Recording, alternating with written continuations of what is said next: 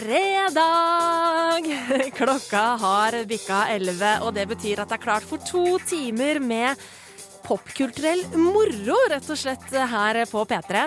Jeg heter Marte Hedenstad og styrer spakene her i studio i Filmpolitiet i dag. Og det er jeg som skal gi deg det som er anmeldelsen av den eneste kinopremieren denne uka, nemlig den australske sexkomedien The Little Death. Eh, men frykt ikke, selv om det bare er én kinopremiere, så skal vi nok klare å fylle sendinga for det.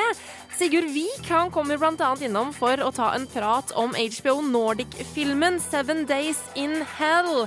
Visstnok en ganske artig komedie. Og så får du selvsagt siste nytt fra filmfronten denne uka. Så skal vi ta en liten prat om hvilke serier du bør få med deg i sommer. Filmpolitiet Filmpolitiet anmelder film. What about the doctor? She say anything? Yeah, she said that it might help if I orgasm during sex. You orgasm during sex all the time. Yeah, so. Seksuell frustrasjon, fetisjer og dysfunksjonelle parforhold står på agendaen når vi tar turen til en av Sydneys forsteder i den australske komedien The Little Death. Filmen skildrer hvilke utfordringer fem par står overfor når de forsøker å leve ut sine seksuelle fantasier. Og selv om manuset ikke akkurat står til en Oscar, er det morsomt nok til at The Little Death blir en lun og lettbeint komedie. Fem par. Mave og Paul, Dan og Evie, Maureen og Phil, Rowena og Richard, Monica og Sam. Alle har sine problemer. Alle har fantasier de ønsker å utforske. Mave har lenge fantasert om å bli voldtatt. Phil syns kona er best når hun sover. Dan og Evie tenner på rollespill, mens Rowena bare blir kåt på mannen sin når han gråter. Alle har sitt å stri med, og vi får deres historier fortalt uavhengig av hverandre. Regissør Josh Lawson spiller Paul i filmen og gjør samtidig sin regidebut med The Little Death, som han også har skrevet manuset til. Han leder oss lekent gjennom de fem parenes historier, men sliter litt med å binde det hele sammen. Og vi ender derfor opp med en del løse tråder til slutt. Låsens manusarbeid er heller ikke stødig hele veien gjennom, men filmen har flere genuint morsomme scener, og ikke minst en gjeng med fine skuespillere. Den gode kjemien flere av parene har på lerretet, gjør de kleineste dialogsekvensene mer troverdige, og fører ikke minst til at jeg blir glad i flere av rollefigurene. Miss Redding, sorry to keep you waiting. Seriously? Spesielt har Josh Lawson selv god kjemi med Bojana Novakovic, som spiller Mave. Og det er morsomt å se hvor langt han er villig til å gå i forsøket på å tilfredsstille konas fantasier. Det er imidlertid TJ Parker og Erin James i rollene som Monica og Sam som er det mest sjarmerende paret i The Little Death. Monica jobber hos en telefontjeneste som driver videotolking for døve som trenger å ringe. Når Sam tar kontakt for at hun skal tolke en sextelefonsamtale for ham, får hun en helt spesiell dag på jobben. Resultatet kunne fort ha blitt litt kleint, men kjemien de to har gjennom dataskjermen, er til å ta og føle på, og samspillet mellom dem gjør scenen til en strålende skildring av gryende forelskelse. I'm calling from Video Relay. I have a caller on the line that uses sign language, and I'll be interpreting the call for both of you tonight. And what do you want me to do now? Små lyspunkter som dette gjør at jeg faller for The Little Death. Og selv om det skorter litt på manusfronten og slutten ikke sitter helt, satt jeg likevel igjen med en god følelse da rulleteksten gikk over skjermen. Dette er enkel, men trivelig og lettfordøyelig underholdning. Hello, what does he want me to do now? Killing me. Um, Terningkast fire. Denne komedien kan altså være en fin avveksling fra sommerens eh, store blockbuster-filmer, hvis du er ute etter litt mer lettbeint underholdning. The Little Death, altså. P3. Filmpolitiet anmelder film. Aaron Williams. You're known as the bad boy of tennis. I'm not going to apologize for the incidents in yesterday's match. Ladies and gentlemen, we've got a streaker. What's going on? What's he doing to her? It's natural and it's beautiful. An Englishman hadn't won Wimbledon since 1937, so there was tremendous pressure on Charles. What's your overall strategy? I don't know what the word strategy means, Brian Gumble. I'm not Brian Gumble. I'm Soledad O'Brien. I'm at the wrong show. No, no, the name of the show is Real Sports with Brian Gumble. Yeah, yeah. Indubitably, yeah. Sigurd Vik, velkommen inn i studio. Takk, Marte. Eh, du, eh, det her er jo da eh, Altså, på kino denne uka så er det nemlig bare én kinopremiere. Ja. Men vi har en premiere på streaming. Eh, det liker vi. Ja. HBO Nordic. Rett på TV-film, rett Rett og på slett. TV-film. Og jeg har fått med meg at det er noen sånne sportsgreier som arrangeres nå. Eh, nemlig en sånn tennisturnering som jeg tror kanskje heter Wim Wimbledon. eh, Tror det er Ja, ja. Williams-søstre som er helt Ja, enig med. Det er en, en Wimbledon-turnering som foregår nå, og da taktisk nok så er det sluppet sant. en tennisfilm. Ja. Tennis, Marte. Altså, eh, hvor kommer du fra? Eh, jeg kommer fra, fra Bærum. Har du spilt tennis? Jeg har spilt tennis. Ja.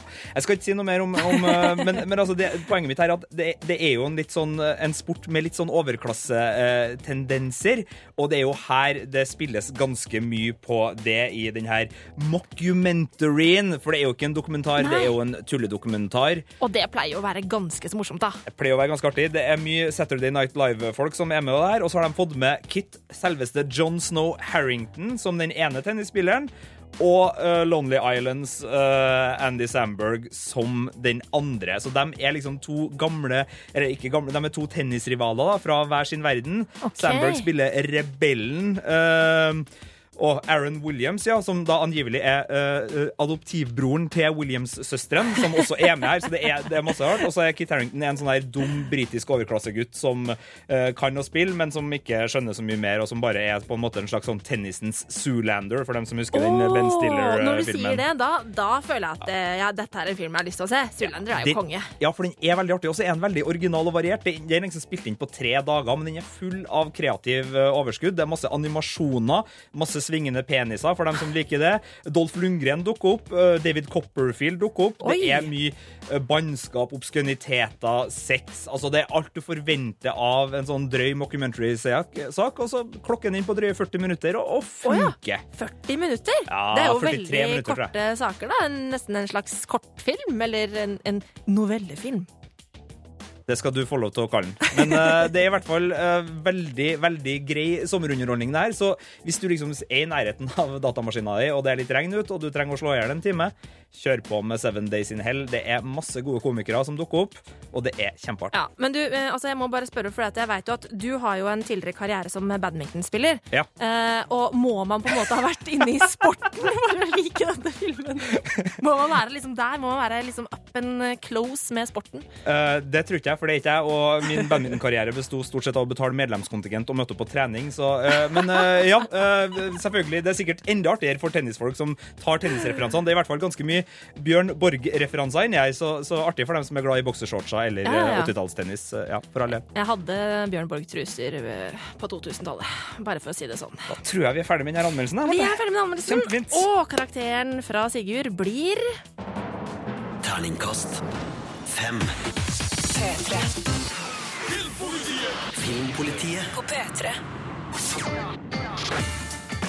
Birger Nei, du heter ikke Birger. Jeg heter ikke Birger. Dæven døtte, sorry, Sigurd. Du, Birger er jo på ferie. Birger er på ferie! Eh, Derfor er vi, du og jeg koser oss her i Studio Filmpolitiet. Men Sigurd, Ja. eh, altså vi pleier å, hver uke så pleier vi å ta en sånn trivelig prat om hva vi har sett siden sist. Og eh, jeg har fått øynene opp for en serie som har vært tilgjengelig ganske så lenge.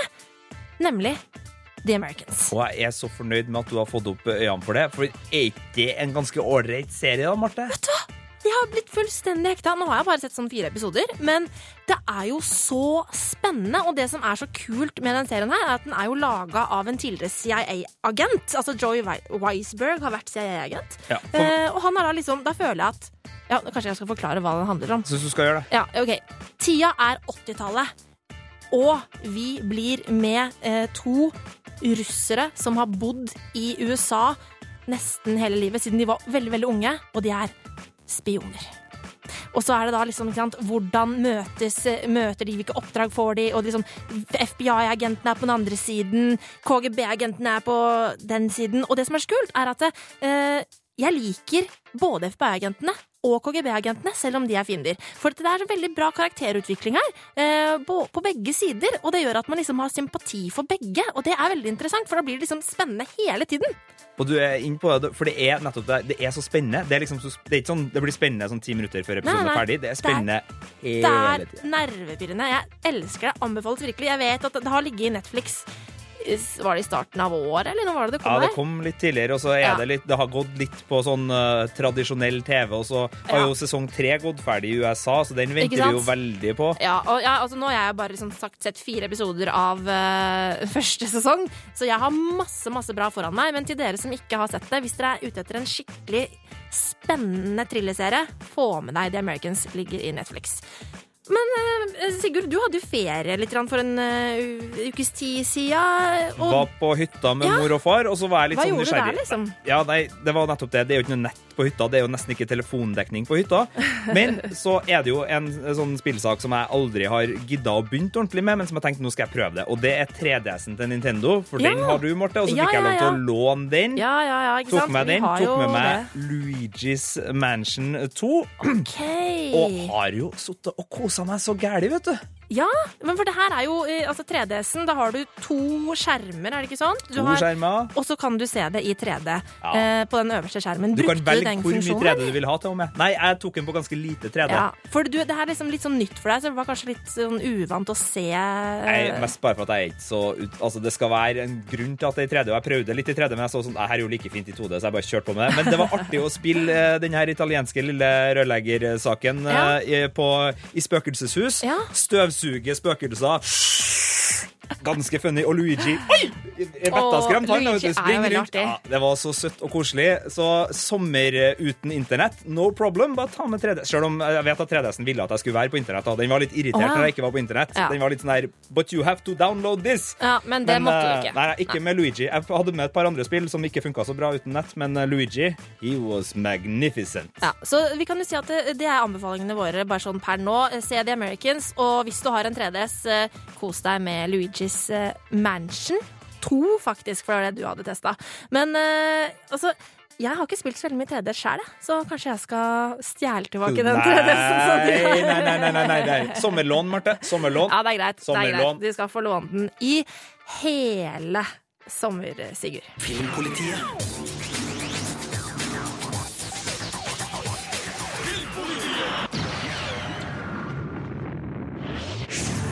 Filmpolitiet anmelder film. På mandag kommer The Theory of Everything, eh, som forteller historien om Stephen Hawking og kona Jane, ut på Blu-ray og DVD. Og nå skal du få et gjenhør med Birger Vestmo sin anmeldelse fra da filmen gikk på kino. Come on, get up. Morning, Brian.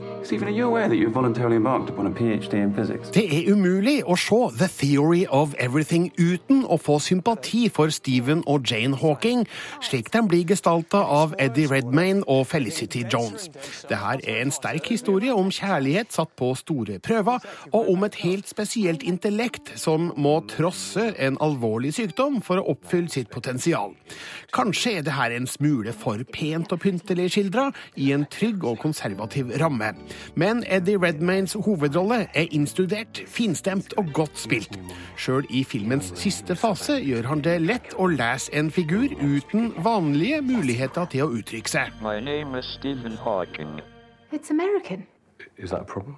Stephen Hawking burde være kjent nok, men for sikkerhets skyld. Han er den britiske professoren som bl.a. er kjent for sine teorier om sorte hull og forsøk på å binde sammen relativitetsteorien og kvantefysikk, men òg for sitt liv i rullestol med en alvorlig muskelsykdom.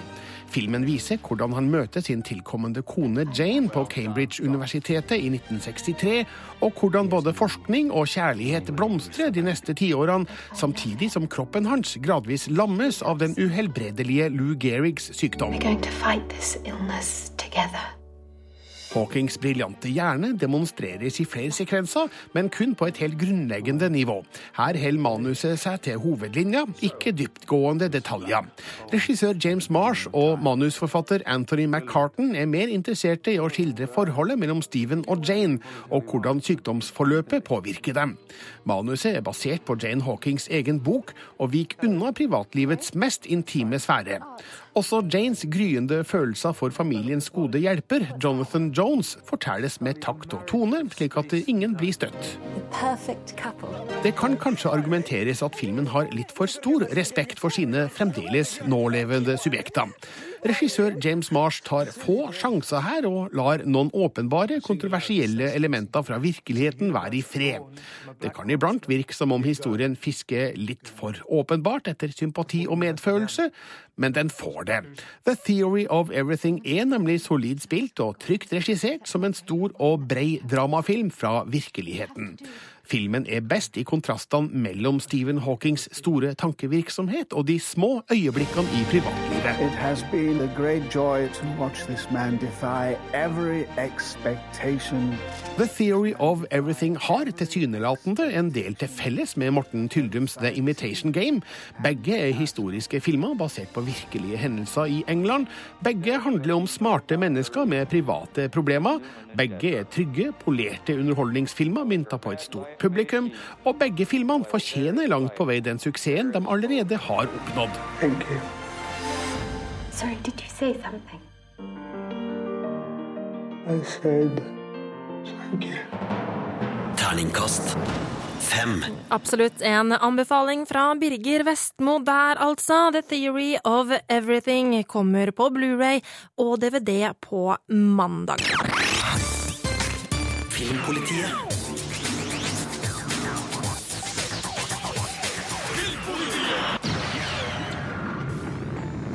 Og Sigurd han er tilbake i studio, for nå skal vi ta en liten prat om uh, ukas nyheter.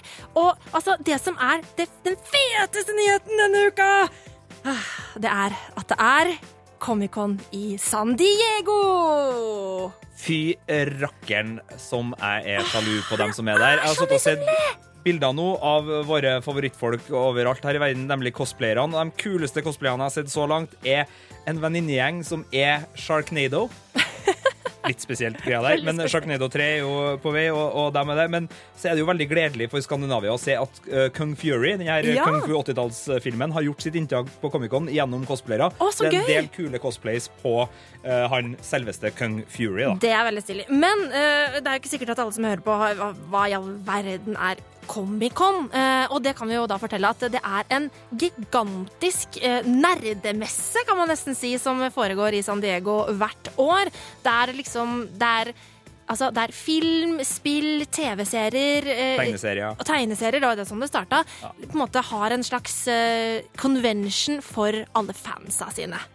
Og fancy-litteratur, sci-fi-litteratur, ikke må ikke glemme det. Eh, Ikke glem. og derfor skjer det da masse masse kult, og det kommer masse nyheter fra, fra liksom film, spill og TV-serie- og tegneseriebokbransjen. Definitivt. Det er jo folk som liksom sitter øh, og, og sitrer i spenning når de her panelene begynner, og det har de hatt god grunn til. Det beste som har skjedd så langt, for nå er vi midt inni det, det, var, det begynte på onsdag og varer øh, ut helga, det er at Bill Murray for første gang er på Comic-Con. For første gang i Eh, sin lange sin- karriere.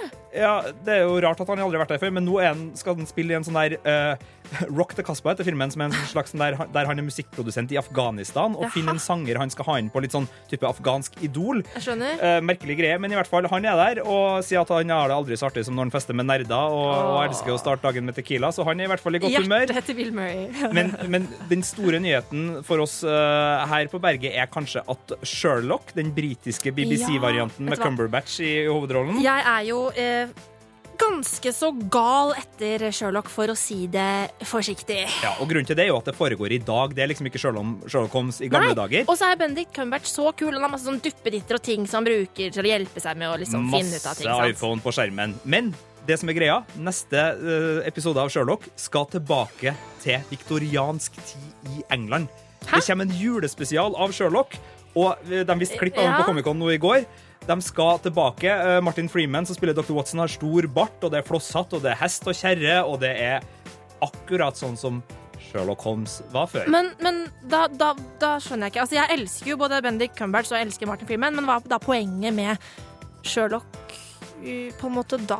Nei, det, det er jo bare en one-off, så sesong fire okay. kommer tilbake med liksom vanlig. Så de, de blir ikke ja, okay, så det blir- permanent tidstransportert tilbake. Men det skal være en sånn julespesial. Aha. Om det er en drøm, eller om hvordan de har tenkt å løse det, Ja. aner ikke, men det så veldig fint Veldig, ut. veldig kult ut. Veldig Eh, men det kommer jo, altså, det er jo som sagt veldig masse kule ting som avsløres på Comic-Con. Og eh, alle disse store superheltfilmene og alt sånt pleier jo å ha sånne paneler eh, hvor, de, hvor det blir snakka om hva som eh, skjer da i det kommende året. Ja. Og så har det kommet en sånn Batman-nyhet, vet du. Den Ja. kom ikke direkte fra Comic-Con, men den kom i forbindelse med det. For Ja. at Ben Affleck skal jo være Batman nå. Ja, Det er jo det har sånn er det bare.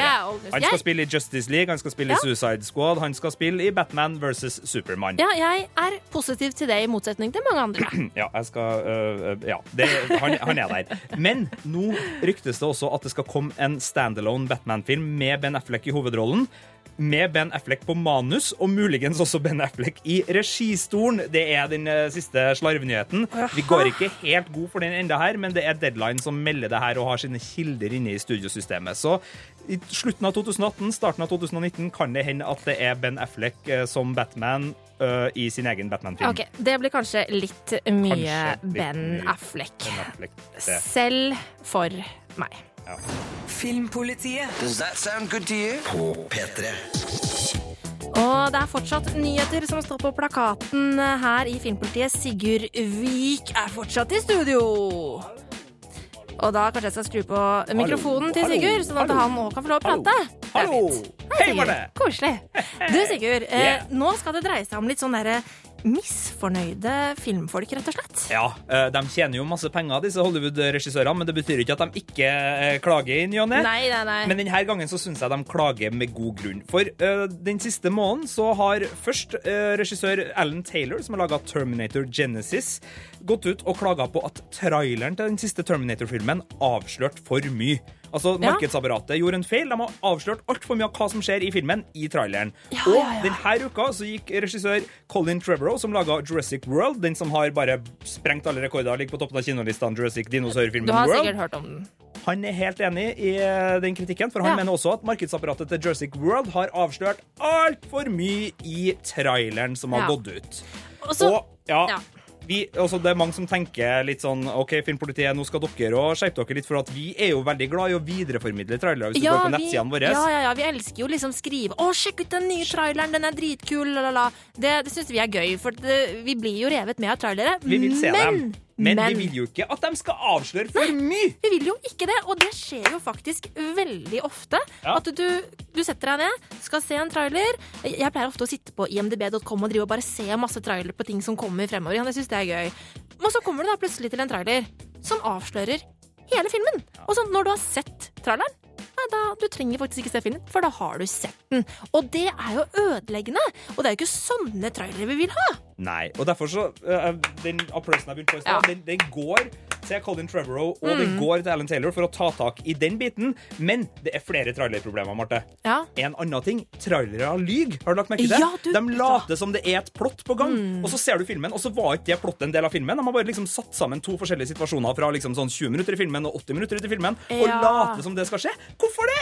De lurer oss, rett og slett. De lurer og lyver. De, Lyver og altså, lurer. de, de lyver, og de avslører ting. Men en annen ting som jeg opple opp opp opplevd flere Ja. ganger, eh, spesielt med komedier, er at eh, du ser en komedie, og så er det veldig masse sånne morsomme klipp ikke sant? fra ting som er gøyale scener fra Kjapp, filmen. kjapp, kjapp, kjapp. Masse vitser. Ja. Så ser du filmen, så er det flere av de tingene som ikke er med.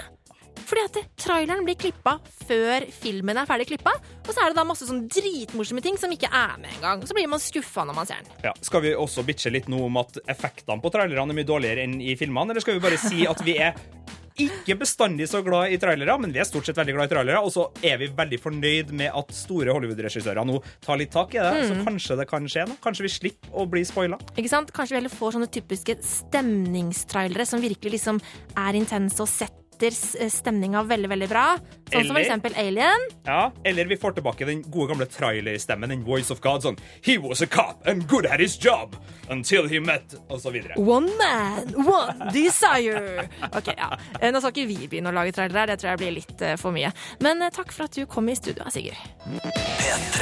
P3. Filmpolitiet anmelder film.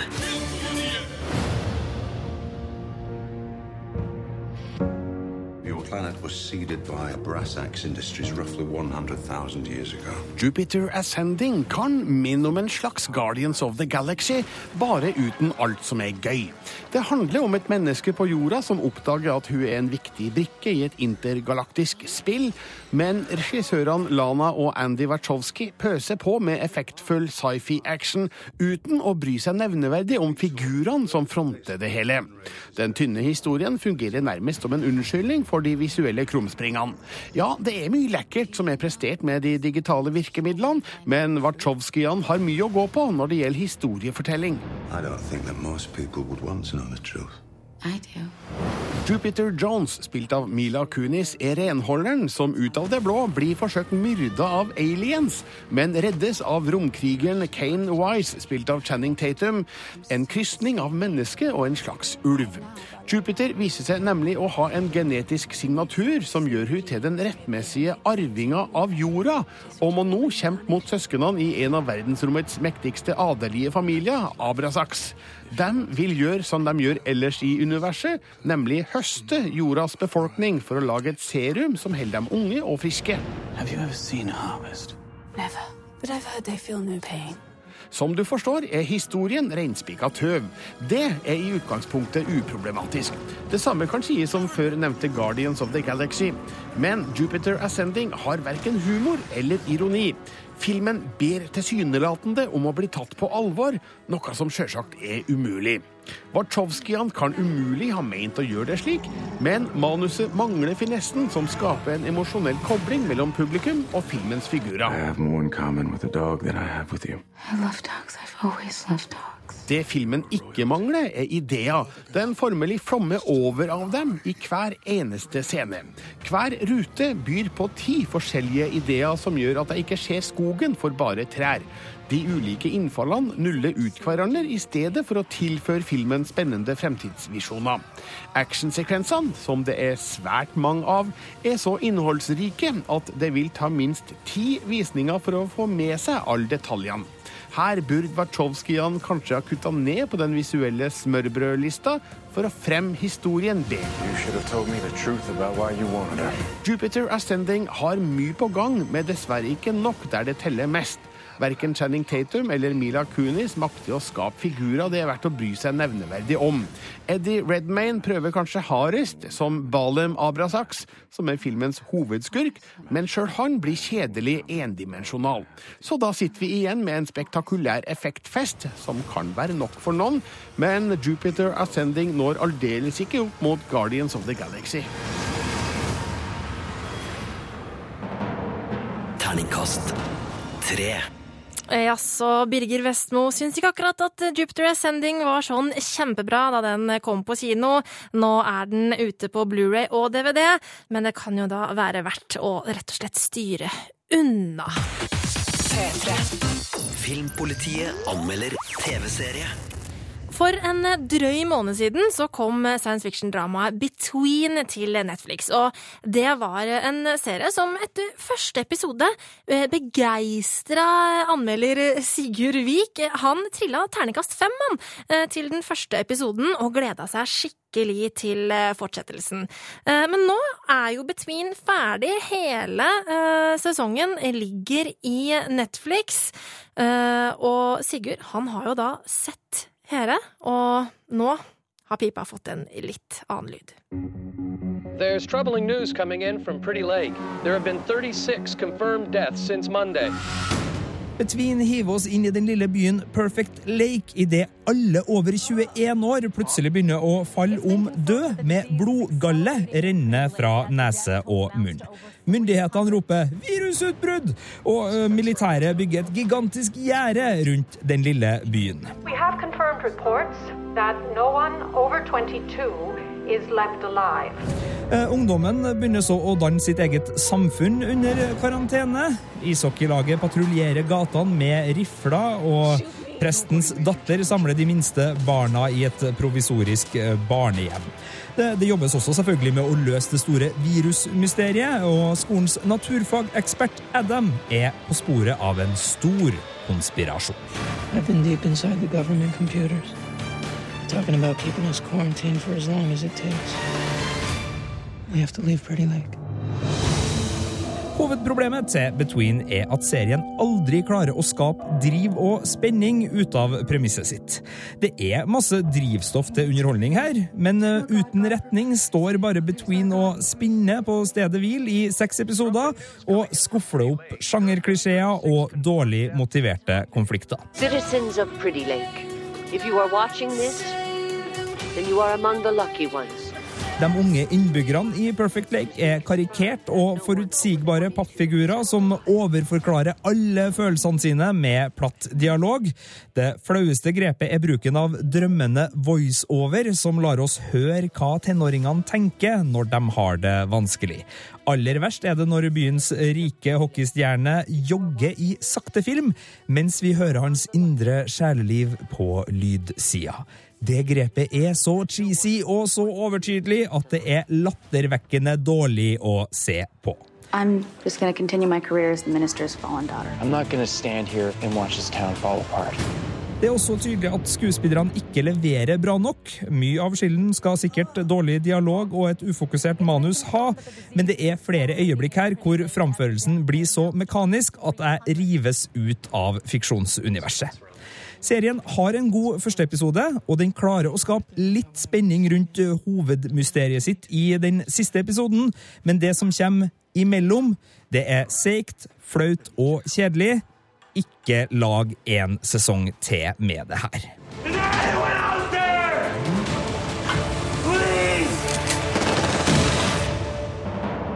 Terningkast to. Klar beskjed til serieskaperne av Between fra Sigurd Vik der.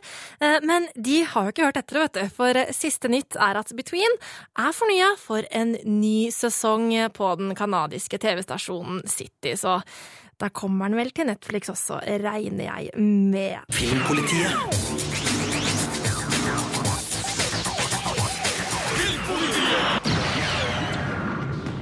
Og Mr. Sigurd Vik er tilbake i studio her i Filmpolitiet. Howdy how! Og hvorfor høres det nå ut som en eh, Christmas poop eh, nå, Sigurd?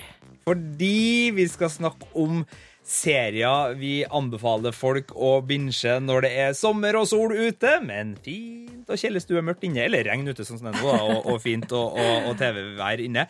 Eh, Og mitt ah! litt sånn excited. Mitt hovedtips er nemlig South Park, fordi nå har Viaplay gjort tilgjengelig alle 18 sesongene av South Park til streaming, så man kan kose seg i timevis med gjengen fra Colorado. Det er, ja, det er favorittanimasjonsserien min. Der. du er gal si etter South Park. Gal etter South Park. Hva er det med South Park som er så bra? Bare sånn, det er jo sikkert noen i verden som ikke har sett det. Ja, Det er knallbra satire som treffer stort sett hver gang, bortimot. Det er så herlig frekt og stygt og jævlig at det er helt nydelig.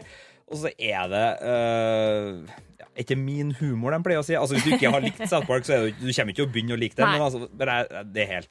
Hvis- du syns det var drøyt Ja. før, så syns du fortsatt det er drøyt. Altså figurbygginga her. Altså Ja. en, en figur som Eric Cartman, og klarer å bygge den rasttappen der så bra som de har gjort. Så bra at man til og med av og til liker den, eh, og av og til hater den. Og bestandig elsker å se den. Ja, og nå ligger altså alt ute, var det Alt sånn? ligger ute. Pluss at det kom jo Gladnyhet de luxe i uka som var for South Park-folk. Det er fornya utover, så det blir masse sesonger til. Og ja, ja, ja. Kjem på. Hulu pluss USA og Comedy Central. Ikke sant? Eh, For at, eh, altså, Sommertid det er fråtsetid når det gjelder serier. For du har ferie.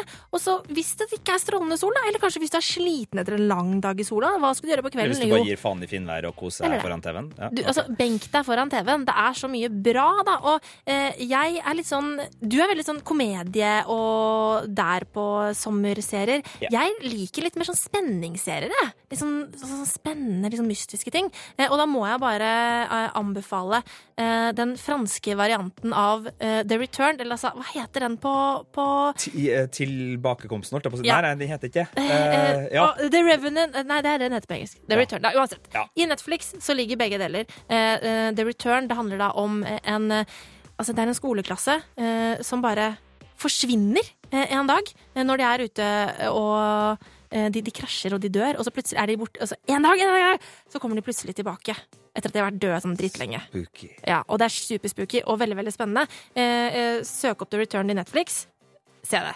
Eh, og så må jeg jo bare si, selv om jeg sier at det er, det er spenning som er eh, dealen min for tida, så har jeg jo blitt hekta på Orange is New Black. Eh, og det har jeg snakka om litt tidligere i, i forrige Filmpolitisending også, men så, det er jo perfekt å se nå i sommer hvis ikke du har sett det ennå. Selvfølgelig er det. Det er jo tre sesonger. Og, Tre bra sesonger. Ja, eh, og det er masse episoder, så det er jo bare å kjøre på. Men uh, har du noe annet, eller? Annet enn en enn South Park? For du er jo veldig sånn på komedie. Er det noe lettbeint eh, du har lyst til å foreslå? Altså, uh, Silicon Valley, som ligger ute på HBO, to sesonger, har vært årets litt sånn komediehøydepunkt for meg. Ja. Jeg syns også uh, Unforgettable Kimmy Schmidt, som ligger på Netflix, er en veldig kul sånn halvtimesepisode-komiserie. Ja, så, så begge dem funker. verdt. Absolutt verdt. Uh, og så må jeg bare si én ting til, eh, og det har ingenting med spenningsserie eller komedie å gjøre. Så, eh, men det er bare sånn, jeg, har, jeg ser den om sommeren av en eller annen grunn, og det er Firefly. Hver sommer så må jeg ha et gjensyn med Firefly. Og hvis ikke du har fått med deg hva det er, så er det da en kultserie uh, med selveste Nathan Fillion i hovedrollen. Det er Cowboys in Space. Bare, bare få det ei romferge. Få det med deg. Få det med deg, sier jeg bare. Åh, ok, greit. Det var det noen, noen anbefalinger her. Det var South Park, South Park, Silicon Valley Orange is the New Black, Firefly og The Returned. Ja. det Ja. blir en strålende serie. Og Unbreakable Kimmy Smith. Det kan jo ikke bli bedre, kan det det? Ja? Nei. Tusen takk for at du kom i studio, Sigurd. Filmpolitiet med Marte Hedenstad. NRK. NRK. P3. Hør flere podkaster på nrk.no podkast. P3.